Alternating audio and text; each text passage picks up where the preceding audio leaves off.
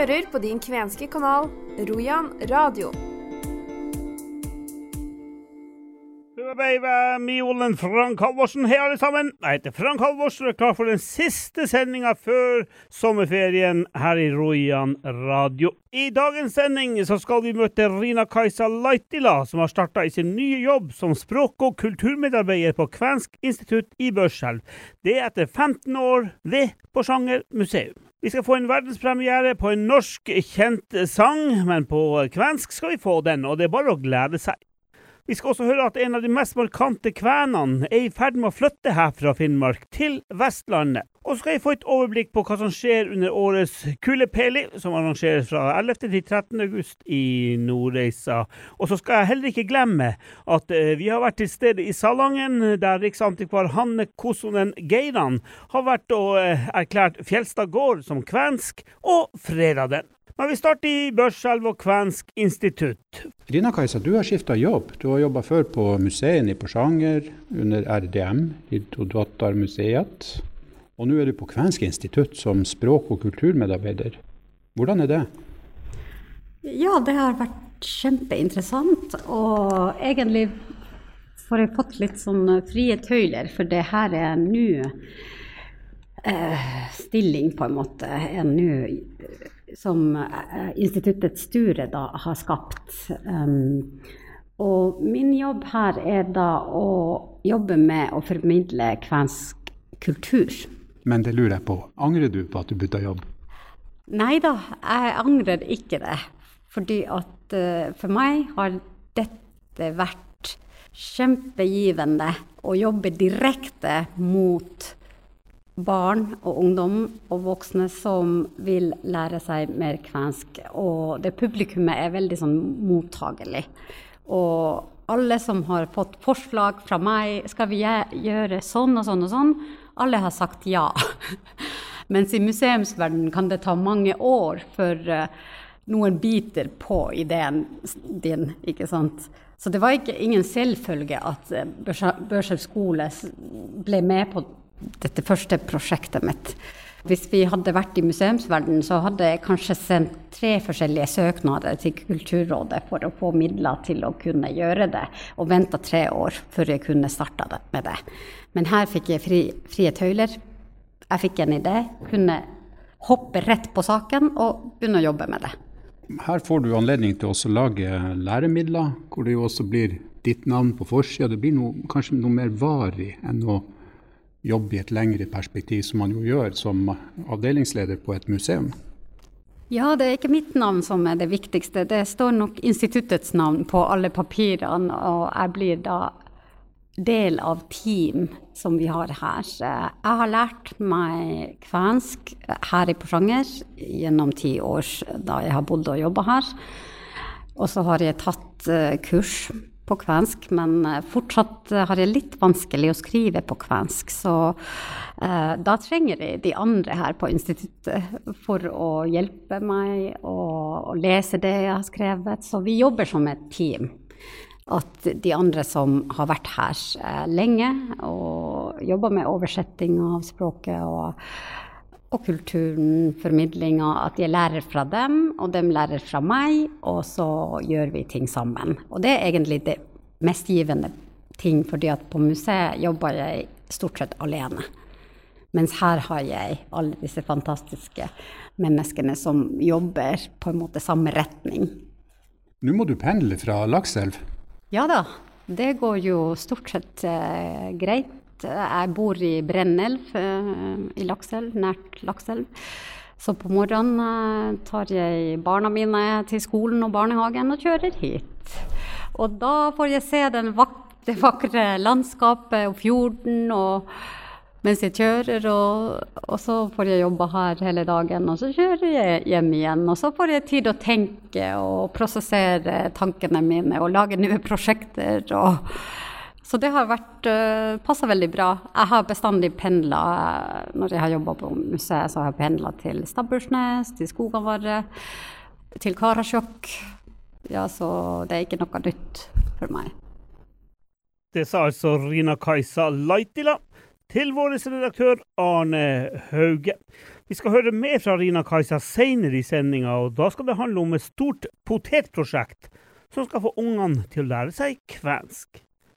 Men først skal vi til en av de mest markante kvenfamiliene som bor her i Vest-Finnmark. Alf Einar Hansen er opprinnelig fra Hammerfest, men har i mange år bodd i Rafsbotn. Nå har Alf og kona Evy bestemt seg. De flytter sørover, til nærheten av der barna deres bor, nemlig til Moldes nabokommune Hustadvika. Jeg gir ordet igjen til redaktør i Rojan. Det er Arne Hauge som har snakka med han, Alf. Et lite stykke opp i Sørelvdalen i Alta kommune, der finner vi gården til Alf og Evy Hansen. Og nå hører jeg skumle rykter. Vi er her oppe nå, og Alf, det her må du nesten forklare for oss. Ja, vi er kommet dit hen at uh, vi er oppdaga plutselig at vi, vi, er ferdig med tenåringsperioden. Så uh, vi er kommet såpass langt opp i årene at vi velger å, å, flytte herfra. Og uh, egentlig skulle vel Evy ha sagt noe om det, og sånt, for gården her er jo, har vært i hennes families eie i 125 år. Men selv om dere nå flytter nedover til i nærheten av Molde på Vestlandet, så er det vel ikke sånn at dere slutter å være kvener? Selvfølgelig ikke. Og uh, paradokset, hvis man kan kalle det for det, og sånt, er vel at vi kanskje får mer tid til å jobbe systematisk med bl.a. alt uh, fotodokumentasjon og skreven dokumentasjon omkring det kvenske. Og eh, for min del da om den kvenske byggeskikken, som er hovedutgangspunktet for min del. Du liker å jobbe med spor av levd liv, og det finner man sannelig på den gården her. Men dere har hatt eh, forsterkninger i denne prosessen med å pakke, som jo er meget omstendelig? Ja, kjærkomment. Eh, våre to døtre er innom, kanskje for siste gang på gården her, da. Men i alle fall, vi har fått fantastisk hjelp i det å sortere, rydde, pakke, kjøre bort osv.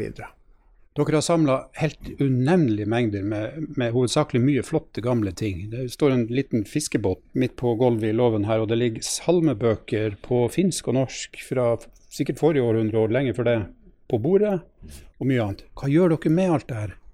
Vi har en utfordring, det skal vi ikke legge skjul på. Her er jo ting, gjenstander fra gården, nesten 100 utelukkende. Og eh, det er seks generasjoner som er representert i de gjenstandene her. Men de tingene som dreier seg om eh, fiske, fangst, jakt Sjansen er stor for at eh, mesteparten av det kan komme som eh, ja, tidsriktige elementer inn i eh, det Sjøbu-prosjektet som eh, Jan Daleng har i Børselv, eller på Hestneset. da. Og vi skal diskutere videre hvordan vi får, får løst det, sånn at i alle fall den biten får et liv videreført i riktige omgivelser. Royan Kaiku, vi liker jo å publisere gamle bilder i hver utgave, så nå er siste sjansen til å få naske med seg noen gamle bilder. ja, og for meg, eh, eh, det må jeg med takk si også, det er jo et privilegium å få lov til å kunne bidra med ting som jeg er opptatt av. Egentlig er det jo reindyrka egoisme i det her også. Jeg gjør det for at eh, jeg liker det. Men det er flott å få respons, tilbakemeldinger på at folk setter pris på å bli påminnet om ting, gjenstander og elementer som ja, er vår felles relativt nære fortid. Mye av det, da. Men det er vel ikke goodbye for godt? Dere kommer nordover uh, innimellom, vil jeg tro? Ja, selv, selvfølgelig. For det om uh, vi velger å bytte bosted, sånt, så uh, er jo ikke det takka farvel til røttene våre. Tvert imot. Vil jeg tro deg på Alf Einar Hansen, som er fra Hammerfest, men har bodd i Rafsbotn Sør-Elvdalen i en masse, masse år. Vi har nok ikke hørt fra han for siste gang. Nå skal dere få høre at det garantert blir uh, Gulabeli i år. Det kan Inger Birkelund garantere. Hør bare her. Gullebelly 2022 blir gjennomført, og det er jo veldig artig, bare det. Men i år gjør vi det på en helt annen måte enn vi tidligere har gjort. Og, og nå det, har det enda mer et festivalpreg enn det har hatt tidligere. Nå er det sånn at du kan kjøpe ulike forestillinger egen billett til de, de, forestillingene. Og det kommer til å bli masse for folk i alle aldre. Så jeg håper at, eh, at eh, vi etter hvert kan få lagt ut billetter, sånn at det blir åpent for, eh, for salg. Først skal Barneteatret vårt de skal lage en egen danseforestilling som kommer til å foregå ute, men også inne i Sukkervikhuset. Sukkervikhuset blir liksom basen for denne for Gullepelli i år. Og så blir det vandreforestilling, historisk spelvandring, som også starter i Sukkelvikhuset, Men så går um, ut til Sukkelvik og Andersbukta. Og på turen kommer det til å skje diverse ting. Det blir både guiding, men det blir også spill og uh, fiksjon og masse spennende. Men uh, hensikten vår er jo hele tida å fortelle om uh, historiske hendelser som har skjedd i Sukkervik på turen, da. Og så å formidle det som har vært hele hensikten med Gullebelly fra vi starta, det med de folkene som har bodd her før, og som besto av både nordmenn og samer og kvener, og at det å eh, hente fram våre historier er viktig for oss. Våre fortellinger som vi forteller sjøl, til oss sjøl. Veldig viktig for oss. Og så kommer det til å bli konsert i Sukkervikhuset med alle de musikerne som er med på spillet. Det kommer til å bli kjempeartig. Og så uh, blir det foredrag på halvtid fra IMM Kven forskningsprosjektet i Alta som skal snakke om uh, det med kultur og kulturformidling. Og det blir utstillinger, og det blir marked. Hvis vi forteller, så blir det marked utenfor Sukkervikhuset eller på Kronebutikk-området. Og da er det bruktmarked vi tenker på. Det med gjenbruk er jo viktig. Og uh, vi har lyst til å liksom, åpne for at alle dem som har noe de har lyst til å selge, kan komme dit med og tilby det på lørdagen, den siste dagen av spelet. For spelet blir altså torsdag 11., fredag 12. og lørdag 13. august. Merk dere, det er august i år, før skolen begynner, ikke i september sånn som tidligere. Det sa Inge Birkelund til vår reporter i Nordreisa, Pål Vegard Eriksen.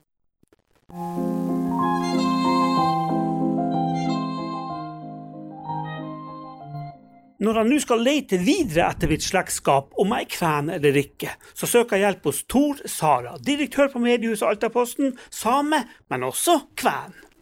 Og vet du noe om de her? Ovenfor her? Ja, den vet jeg til, på mammas side. Ja? På den der sida, vet Ja. jeg.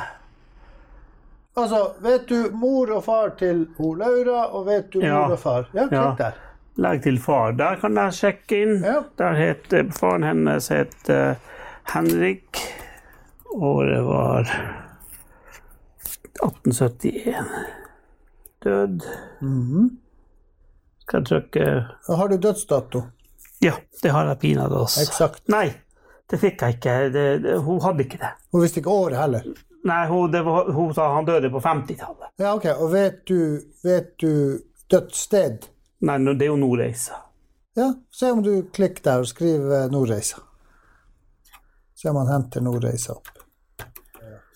Og så kommer nå moroa, for nå har du lagt inn er, det, er vi kommet så langt som du har? Det er det jeg har. Du har record matches. Vær så god, klikk. Her dukker det opp med en gang. Elvine, ja, det er tanta min. Ja. Laura er bestemora Ja, min. Ja. Mari. Gå, gå på gjennomgå treff. Bare for å se. Stemmer det? Nei, Ja, ja. der. Godkjent treff. Henrik Odinius. Odinius, ja. Det står her eh, Ja. eh, Oginius har jeg skrevet, men det heter Odinius. da.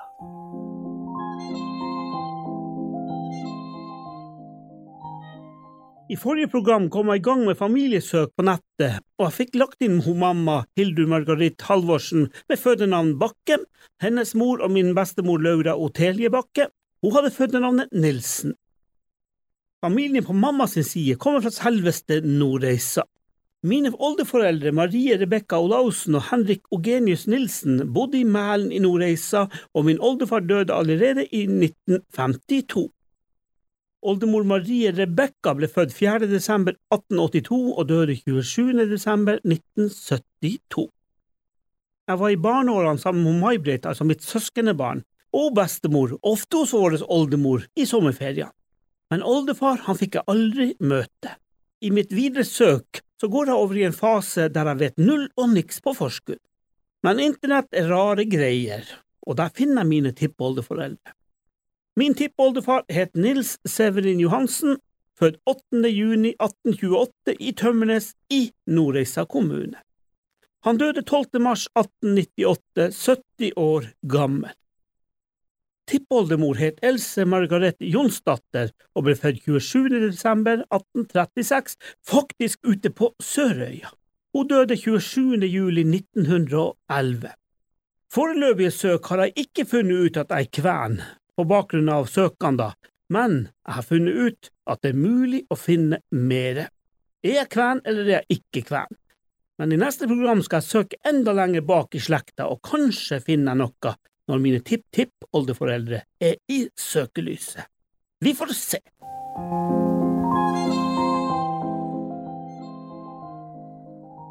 Nå skal det handle om et potetprosjekt som er starta i Børselv. Arne Hauge har snakka med Rina-Kajsa Laitila, som har funnet ut at det å bruke virkemidler sånn som potet, ja, det er kjempebra når man skal lære ungene å snakke kvensk.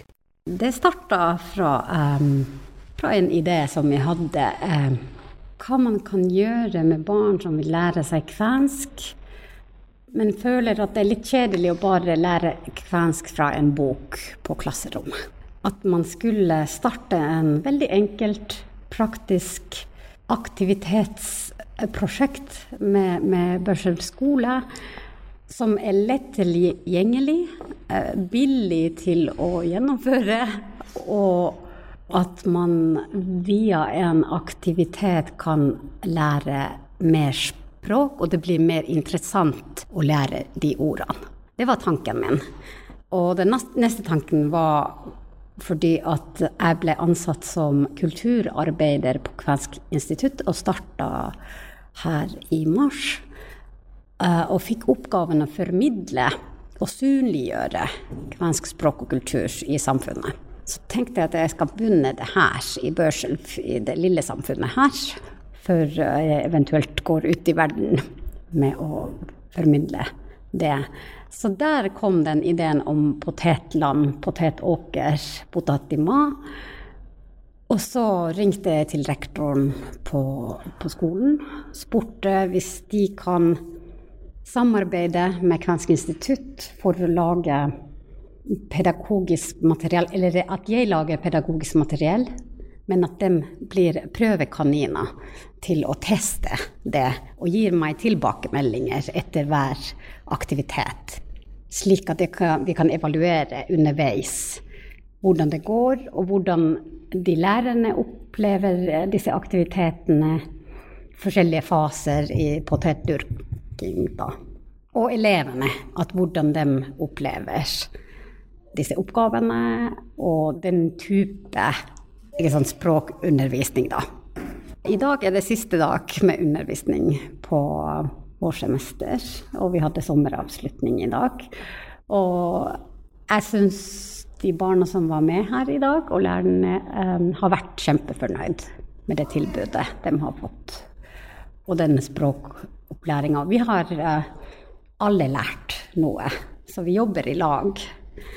Og vi hjelper hverandre, og vi um, gjør ting sammen. Og så er jeg snakker primært kvensk til alle elevene.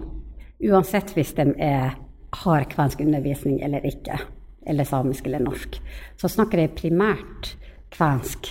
Og så bruker jeg hjelpespråk, da norsk og samisk, i dette. Eh, hvis, hvis, de ikke forstår. Men jeg prøver å liksom vise med kroppsspråket og sånt, slik at alle elevene lærer seg litt kvensk, i hvert fall. Og de kvenske elevene har fått en hel hefte med oppgaver som er på kvensk. Så dem da via sin eh, lærer på skolen på kvensk kan jobbe med disse oppgavene da, mellom de aktivitetene. Så egentlig tanken min nå fremover er at når vi får produsert og evaluert det materialet på kvensk og norsk, slik at eh, også andre kan gjennomføre det samme som vi har gjennomført her.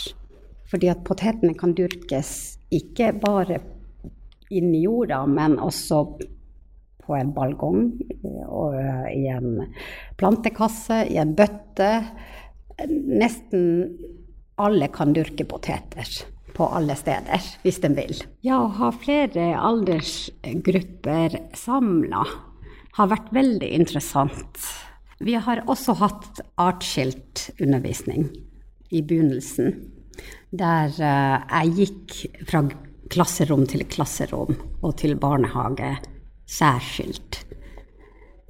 Men til slutt vi fant ut at uh, hvis vi bruker denne større gruppa, der alle aldersgrupper er samla, så blir det egentlig mer interessant.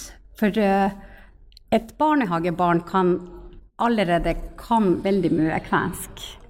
Og kan faktisk kan de ordene som vi bruker den dagen. ikke sant? Mens en ungdomsskoleelev kanskje ikke har hørt disse ordene. Men når vi er samla i en gruppe, så, så, blir det sånn at de store hjelper de små, og det blir veldig sånn godt flute i det teamarbeid, på en måte, der. Og så snakker vi selvfølgelig sammen hele tida, slik at alle lærer. Jeg har lært masse fra disse barn også. Før vi får høre mer om potetprosjektet fra Orina Kajsa, så skal vi ha en verdenspremiere på en kjent og kjær sang.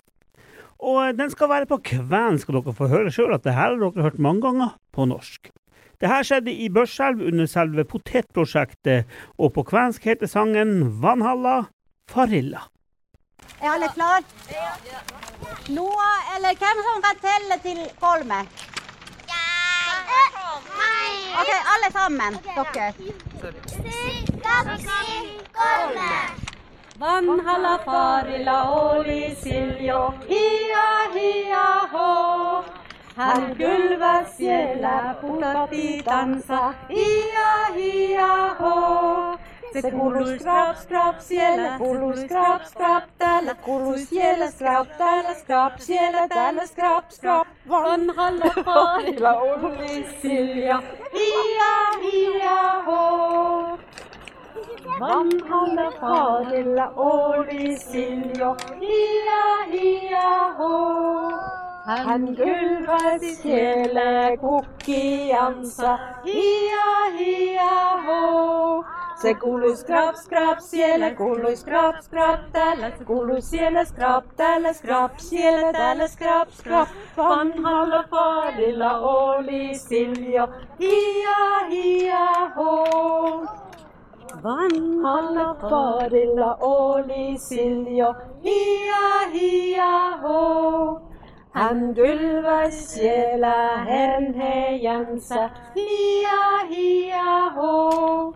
Se kuului skrap, skrap, siellä kuului skrap, skrap, täällä kuului siellä skrap, täällä skrap. Jeg hører at det skal bli læremateriell ut av det her, og at prosjektet blir å, å gjentas eh, flere ganger. Er det riktig? Ja, det er riktig.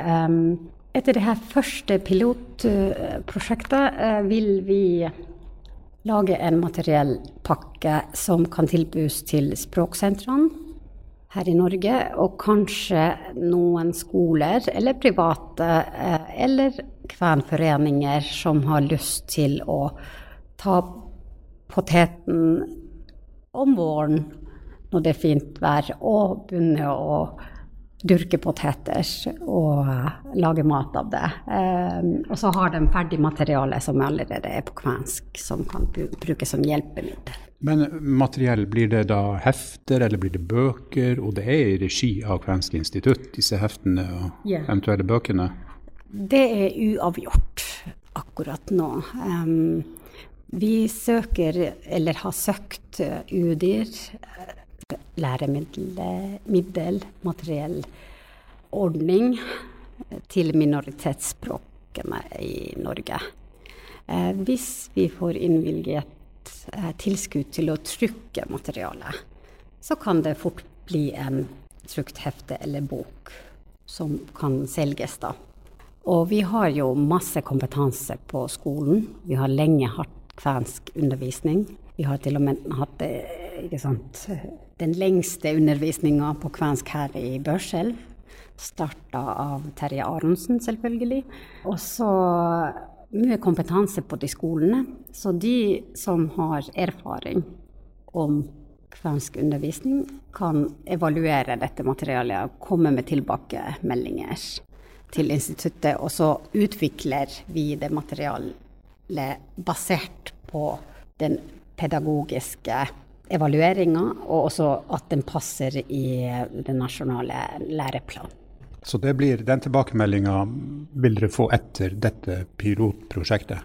Ja, nettopp. Altså det prosjektet da eh, varer fra mai til i hvert fall slutten av september.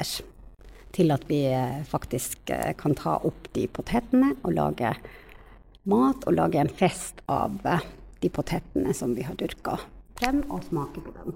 En knakende god idé, egentlig, Ja, med, med ja. lærebøker hvor poteten ja. og potetlandet står i, i, på en måte i midten.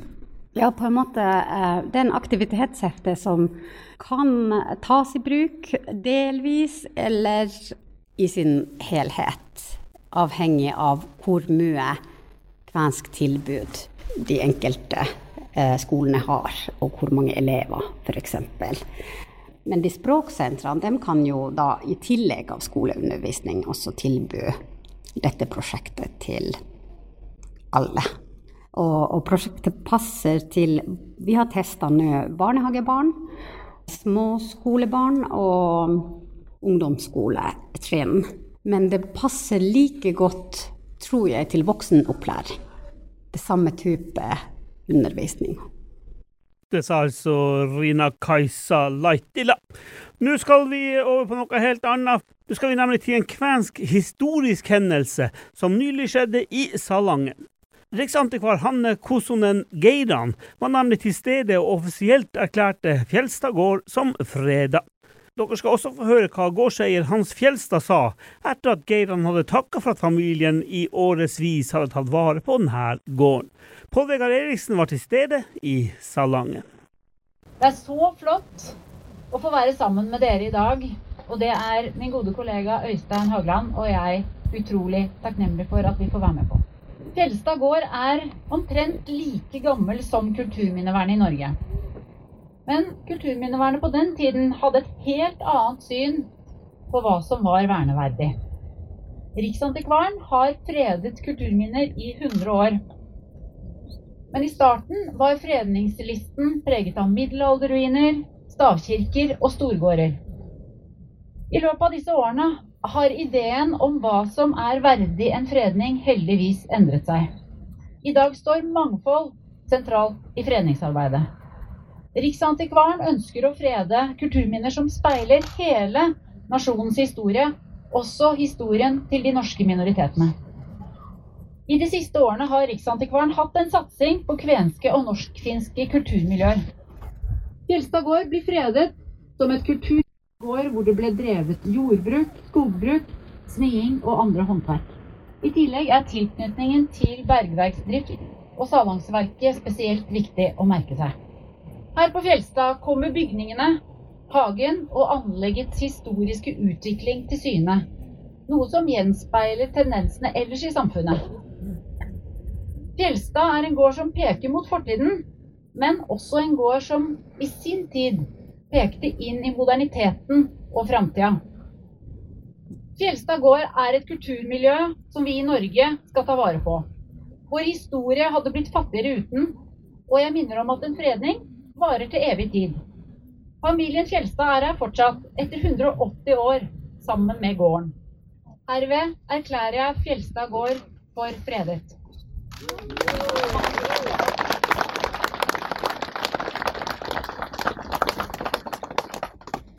Jeg står her med Hans Fjelstad eh, på fredningsmarkeringa i Salangen på Fjelstad gård.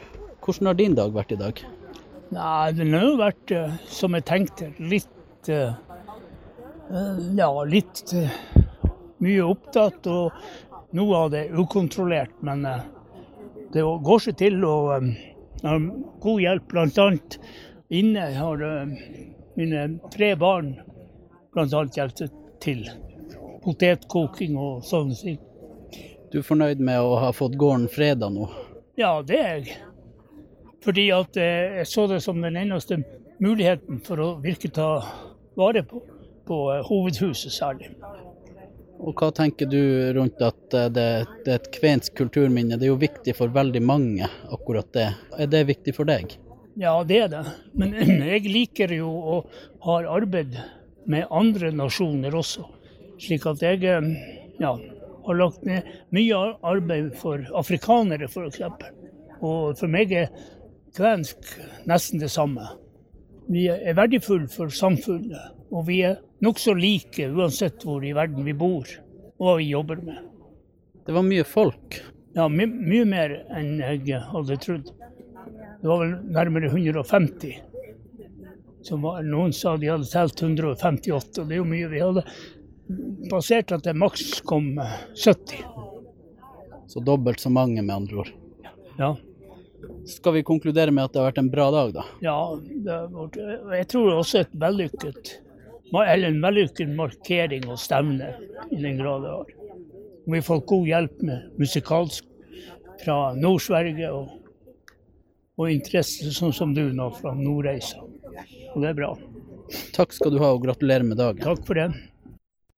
Det var altså eh, Pål Vegard Eriksen som hadde snakka med Hans Fjelstad på eh, gården borte i Salangen. Lær kvensk med Rojan radio. Nå er det klart for det siste språkhjørnet før sommerferien. Denne gangen blir det litt spesielt. og eh, Vi har snakka mye om potetprosjektet i Børselv, og det har hun Rina Kajsa Laitila fortalt om. Nå skal hun eh, snakke litt både norsk og kvensk, og så kommer vi tilbake til høsten med flere ord og uttrykk. Her har dere historien fra potetprosjektet på norsk og kvensk satt i potetene her, så har de satt navnelapp. Slik at uh, de har liksom eierskap til de potetene sine. Det er sånn de vil ha det, på en tre, måte. Tre potetplanter hver? Hver, ja. Hvor mye potet kan man håpe å få ut av en sånn plante? Ja, uh, minimum 50, men uh, det blir nok et par hundre hvis alt går bra. Her er det satt sånn ca. 44 settepoteter. Så har vi gulrotplanter der borte. Og så har vi erter, ganske mange planter av de også. Vi har eh, sådd og forkultivert sjøl. Og så har vi spiselig blomster der borte. Vi har eh, vært i Alta og kjøpt en sånn blomsterblanding som brukes til salat. Og da kan vi være sikre på at det er spiselige blomster. Så det er ringblomst, blomkarse, litt diverse blomster som vi kan smake på til høsten. Rina-Kajsa, kunne du ha fortalt eh, litt om igjen det du sa nå på kvensk?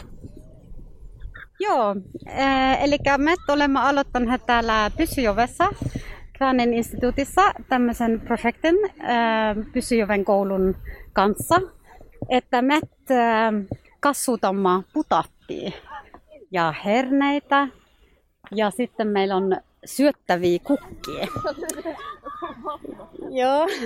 Ja, ja it, tämä kaikki alkoi niin, että minä halusin jonkun projektin, missä minä voin puhua kvääniä lapsille, joka on helppo, yksinkertainen ja praktinen tapa niin, että me otamme käyttöön tämän metodin learning by doing, että me teemme lasten kanssa jotakin ja sitten me käytämme niitä sannoja kvääniksi niin, että se on kielikylpy samalla. Ja me saimme mukaan tähän Pyssyjoven koulun kaikki oppilhat ja lastentarran ö, lapset. Ja meillä on yhteensä tässä parikymmentä lasta myötä. Ja osa heistä on ollut Kvänin opetuksessa ö, koulussa, ainakin kahdeksan. Ja sitten on niitä, joka joka oppii saamea ja, ja sitten norjaa. Ja ne het kaikki on tässä mukana niin, että kaikki nämä kieliryhmät oppii kääninkielisiä sanoja ja sitten me voimme yhdessä praatata siitä, mikä kaikki on saameksi, mikä se on norjaksi. Ja sitten kerrathan aina, että joka tapaamisella me käymme sen samat sanat läpi niin, että ne menee sinne muistin. Ja sitten he muistaa sen varmaan lopun ikänsä, mikä putatti on, minä luulen. Kiitos. Kanskje jeg også skal prøve. Nå Ja. Pysyjokki on eh, oikein kylmä. Luuleeko, että potati kasva? Se on aina kasvanut täällä, mutta siitä pitää pidättää hyvä huoli. Ja äh, ennen aikaan oli hirveän tärkeää, että, että laitettiin höystöä putatti maahan, koska se maa on aika köyhä, kun se on tässä joven laaksossa. Siinä on paljon hiekkaa ja kiveä. Mutta me olemme hakeneet se tuolta Fierasta, olemme hakeneet teppua ja sekoittaneet sitä tätä, tähän maahan. Ja sitten me olemme ha- hakenut lehmän paskaa, lehmän sonttaa tuolta navetasta ja me olemme sekoittaneet sen tähän maahan. Ja me luulemme, että meillä tulee putattia tähän kyllä. Vaikka sattuisi tulemaan kylmä hallayö, me panemaan tuommoisen valkean kankan tähän yli. Ja silloin se, ne putatinkallit säilyy siitä paleltumiselta. Kiitos paljon. Rojan-redaktør Arne Hauge, nå er det sommerferie. Siste nummer av Rojan Kaiku er kommet ut, og siste sendinga på Rojan radio det er her i dag. Hva skjer eh, fremover? Hva gjør vi? Nå er det å delta på det som måtte være av eh, festivaler. Vi er jo en relativt liten redaksjon, så vi prøver jo så godt vi kan å strekke til med de ressursene vi har. Kippari-festivalen er jo nå først ute. Den er, den er juli, og de ble tradisjonelt å ha veldig fint vær og mye folk. Så den gleder vi oss til. Og så kommer jo Kylepelli i ny drakt. Den kommer ut på høsten, august. Og så er det jo imellom der så har vi jo eh, Langfjorddagene. De var jo ett år, husker jeg, så var de veldig på det kvenske. Så oppfordring til dem nå hvis de hører på, kjør på med noe kvensk i år òg. Så er vi der. Men så er det jo sånn at eh, sommeren er jo en ferietid. Eh, Har du sjøl tenkt at du skal delta på alle de her tingene, eller? Nei, ikke alt, det klarer man ikke. Det blir litt mye. Heldigvis har vi jo han Pål Vegard. Sånn som Kylepelli som foregår i reisa, er jo naturlig at han stiller mannsterk der, Ja. og så kan kanskje jeg ta, ta børse. Ja. Og det, vi, vi må fordele oss litt. Yes, vi vil ha litt grann utover høsten ifra de her eh, festivalene, sommerfestivalene. Ja, vi, Ja. Vi, vi ønsker ikke å brenne alt stoffet sånn dagen derpå. Det, det gjør vi ikke. Nei. 18. august eh, så er jeg tilbake med en ny sesong, holdt jeg å si, med Radio Rojan. Eh, Nå må du planlegge. Når kommer neste nummer av Rojan eh, av magasinet? Når kommer det? Ja, Det er ikke så mye å tenke på, for den kabalen der den legges allerede før årets slutt. Så legger vi kabalen for neste år. Og Da er utgivelsesdatoene klar. Og Det har sammenheng med distribusjon, en del andre trykkeri, en del andre sånne praktiske faktorer. Når har du neste nummer av, eh, eh, av magasinet, da? Mandag 1. august. Da må dere jobbe i sommer! Ja da, det må vi hvert år. Så eh, vi har jo tida og veien enda. Det er jo no problem. Vi har jo ja, juli å, å gå på, så. Og litt har vi jo allerede på plass. Så. Men det er en kabal. Hver måned må man til. Dere er jo to stykker, og så er jeg på radioen. Er det vanskelig å fylle de her sendingene, føler du, eller går det sin gang? Det er jo dit jeg hele tiden har ønska at vi skal komme, Royan Kaiku, det er at vi må begynne å prioritere i stoffet som skal med i magasinet. Foreløpig er det jo sånn at vi spiller inn eh, det vi har fra nett, og eh, prøver vi hvert nummer å ha noen eh, godbiter som er eksklusive. Det er ikke alltid vi får det til, men vi forsøker det. Og da fyller vi magasinet nokså greit. Får du noen tilbakemelding fra leserne og lytterne? Du som er redaktør, er folk fornøyd med Rojan-tilstand? Ja, det er man nok i bunn og grunn ikke som kven. Det er vanskelig å si at man kan være det med de budsjettene de, de har å forholde seg til i dag. og det gjelder, det gjelder både prosjekter og det gjelder ikke minst de statsfinansierte institusjonene som kvenene har som går for lut og kaldt vann. Så ærlig må vi få lov å være å si. Men uh, utover det så føler jeg at uh, kvenene er brukbart fornøyd med media. De har jo uh, oss, men så har de jo NRK Kven. Så samla sett så er det et tilbud til dem, og det skulle bare mangle. Samefolket har masse aviser, og hvorfor skulle ikke kvenfolket ha det samme? I alle fall, Arne Hauge, 1. august så er du tilbake med et nytt magasin. Er du eh, allerede begynt å skrive på det? Ja, ja, ja, klart. Vi tenker langt fram i tid. Har du noe, noe som kommer, som du kan røpe her og nå? Det er jo festivalsommer, da. Og eh, det er jo ikke heller til å legge skjul på at vi har vært med borte på på- ved Kvensk institutt og besøkt eh, barn som driver på med potetprosjektet, og Rina-Kajsa og gjengen, og det er klart at det vil komme noe derfra. Arne, jeg tar ferie nå. 18. august er jeg tilbake. Er det greit for deg? Det er deg vel lunt. Takk skal du Selv ha. om, selv om det sitter litt langt inne å sende deg på ferie. Du, har- du har enda tid å ombestemme deg. Ikke sjans. Vi takker i hvert fall Royan-redaktør Arne Hauge. Takk skal du ha. Ja, da har jeg sagt det. Det er sommerferien jeg går ut av døra herfra, og jeg er ikke tilbake før 18. august, for det er så mye som skjer for meg frem til da. Men frem til da så ønsker jeg alle dere en fantastisk sommer, og så høres vi igjen. Mitt navn er Frank Halvorsen. Ansvarlig for denne sendinga er som alltid Rojan-redaktør Arne Hauge. God sommer til alle sammen. Høve gassa, deile, geikile, heter det skal det visst være.